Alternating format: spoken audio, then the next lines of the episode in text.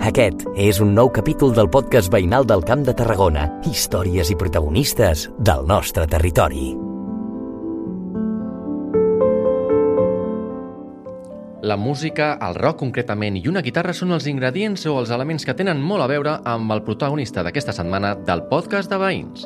Hola, sóc l'Eric López, sóc de Cambrils, tinc 43 anys i sóc músic. Eric López, cambrilenc, cantant i guitarrista de rock, recorda com de petit ja sentia tret per la música i experimentava amb els seus germans gravant casets de les coses que sempre m'ha cridat atenció és, eh, havia sigut la música. Jo des de ben petit que ja cantava i sobretot el, els cors del col·legi o que hi havia per, per Cambrils o fins i tot aquí a Tarragona quan vaig venir a l'institut ja a vegades em venien a, a veure per, per a veure si podia participar amb ells. Recordo que tenia, tenia molta facilitat, ja des de, en el col·legi ja m'ho deien, de, per eh, interpretar melodies i per reproduir melodies i, i fins i tot quan era ben petit i em van regalar un, un Casio, un, un, un teclat d'aquells... Eh, eh, reproduïa totes les cançons que a mi m'agradaven, eh, de Uida sempre les, les reproduïa, llavors. També recordo que amb els meus germans el que feia era agafava els casets de, que, instrumentals dels meus pares i agafàvem, els posàvem en una ràdio i ens inventàvem les lletres i creàvem melodies de cançons i, i gravàvem amb una gravadora que teníem mentre se sentia la música de fons. I clar, l'Eric era més de les classes pràctiques que de la part de teoria de la música i de la història. Recordo 6è, 7è, 8è, tot això a la, a la història de, del, del barroc, de tot, de, de tot aquest caire de, de, de la música. I, però sí és veritat que jo quan disfrutava era pues, o quan tocàvem la flauta, eh, ditxes a flauta, o quan fèiem cançons, o quan hi, hi havia sobretot algo de, dintre de, de la música d'algo més modern. No? Quan va començar a donar les primeres passes de forma més decidida? Va ser arrel de que el, un, un bon amic meu o, o, o el millor amic que, que, que tinc, que, que, que tenia i que tinc, no? que avui en dia és el padrí de la meva filla i tot, ell em va...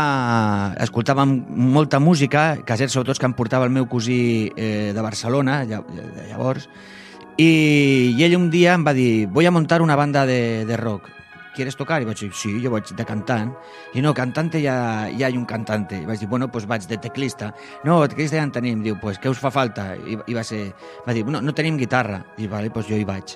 Y claro, me dice, pero tú no tocas la guitarra. Digo, no, tranquilo, pero yo te aprendo en unas semanas, me pongo, me, me pongo al dia. I llavors vaig agafar amb una, amb una veïna que tenia, que ella eh, feia, a classe feia algunes, alguna de guitarra, em sembla no, no, recordar, i ella sabia uns quants acords. Llavors me'ls va ensenyar, m'hi vaig tirar dues setmanes, però de sol a sol, eh?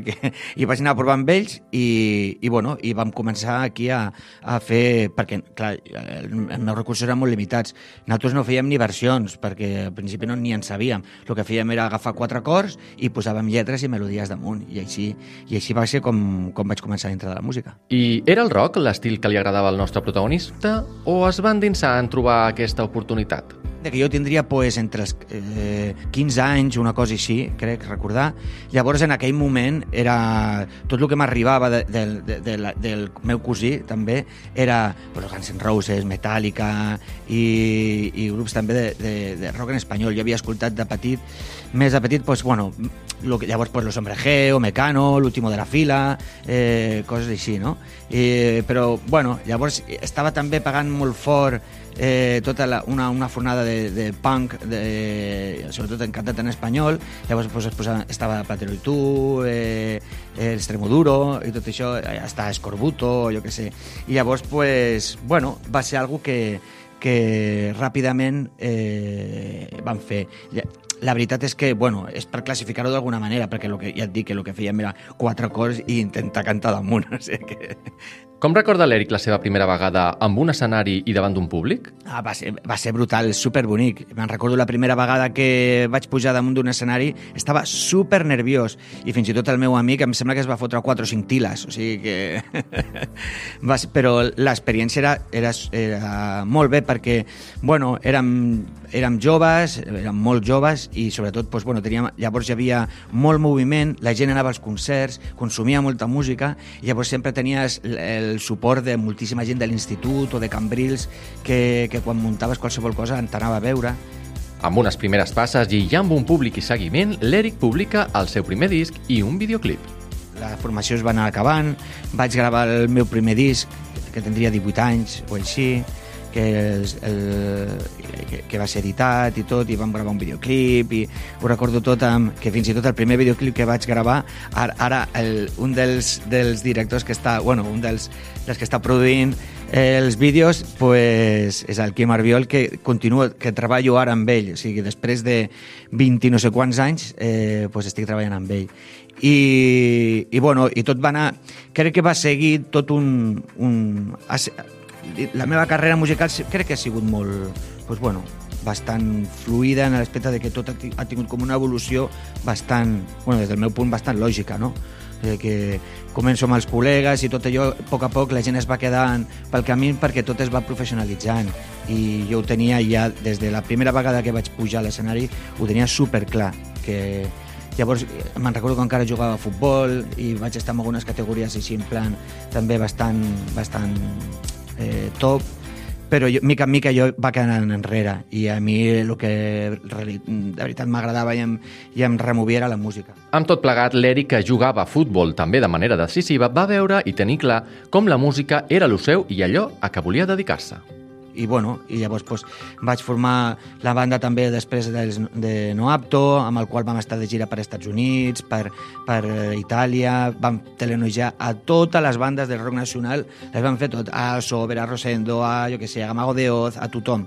I vaig estar en moltíssims festivals tocant i, i bueno, durant 10 anys eh, i després pues, bueno, van, van venir los aliados, amb el qual també pues, vaig continuar treballant a, i vaig te, tenir l'oportunitat de conèixer moltíssima gent dintre del, del, del panorama musical nacional fins a arribar al, al que vam decidir pues, treure el, el, el meu projecte en solitari.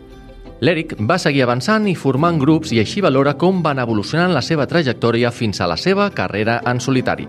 I en aquesta trajectòria fins i tot també hi té lloc una escola de música Cambrils temps de, de la crisi, quan llavors els no apto també la cosa es va anar apartant perquè ja, ja no es feien contractacions d'Ajuntament, tot això es va acabar, i llavors vaig tenir que fer un, pues, bueno, renovar-se o morir. Com ja tenia la titulació de, de músic i tot això, pues, va ser obrir l'Acadèmia de Rock and Soul a Cambrils, de, donant classes de música moderna, al començament només donava guitarra, i fins que ens vam obrir vam fer de tot cant, bateria, piano, baix, i, bueno, i també vaig compaginar amb, que vaig tocant durant molt de temps amb grups de versions de, de rock and roll i de soul i de funky. Com ha canviat l'Eric d'aquells inicis respecte a l'actual? eh, complicat, eh? És complicat fer... L'empenta la, ten... la, la segueixo tenint igual. O sigui, crec que... I el fet de eh, echar-me la manta a la cabeza i dir eh, a, em tiro a la piscina, aunque estigui buida, aquest, aquest Eric encara continua, continua aquí.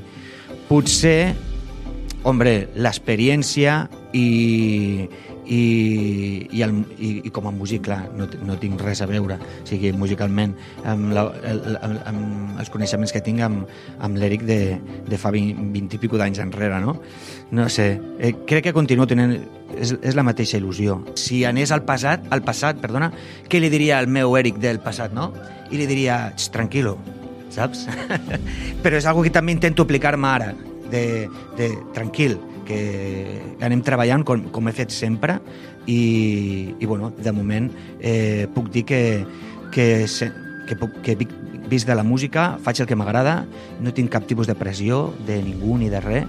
Si, si em pressiono només m'ho faig jo, o sigui que, perquè, perquè som molt, a vegades eh, molt autoexigent i molt important seguir-se actualitzant en un món de constant evolució. I els músics ens hem de renovar també amb això, perquè si no, bueno, ens quedem com els, vivint els, els 80, no? L'època dorada del rock o coses d'aquestes. De... Ens quedem aquí anclats i, i, i, i avui en dia no, no té res a veure els músics dels, dels 80 amb, amb, amb els músics la música d'avui en dia. I de cara a futur, què li queda al nostre protagonista o quines fites es marca? Com a fites a llarg termini. O sigui, l'únic que és que crec que busquem tots els músics, que és reconeixement i poder-me continuar dedicant i al final també pagar les factures amb, la, amb el meu art, no? amb, la, amb la música. M'agradaria moltíssim continuar fent el que faig, continuar tocant, viatjar, viatjar per tot el món. Viatjar per tot el món portant i apropant la seva música als altres. És l'Eric López, cambrilenc, roquer, cantant, guitarrista i protagonista aquesta setmana del podcast de Veïns.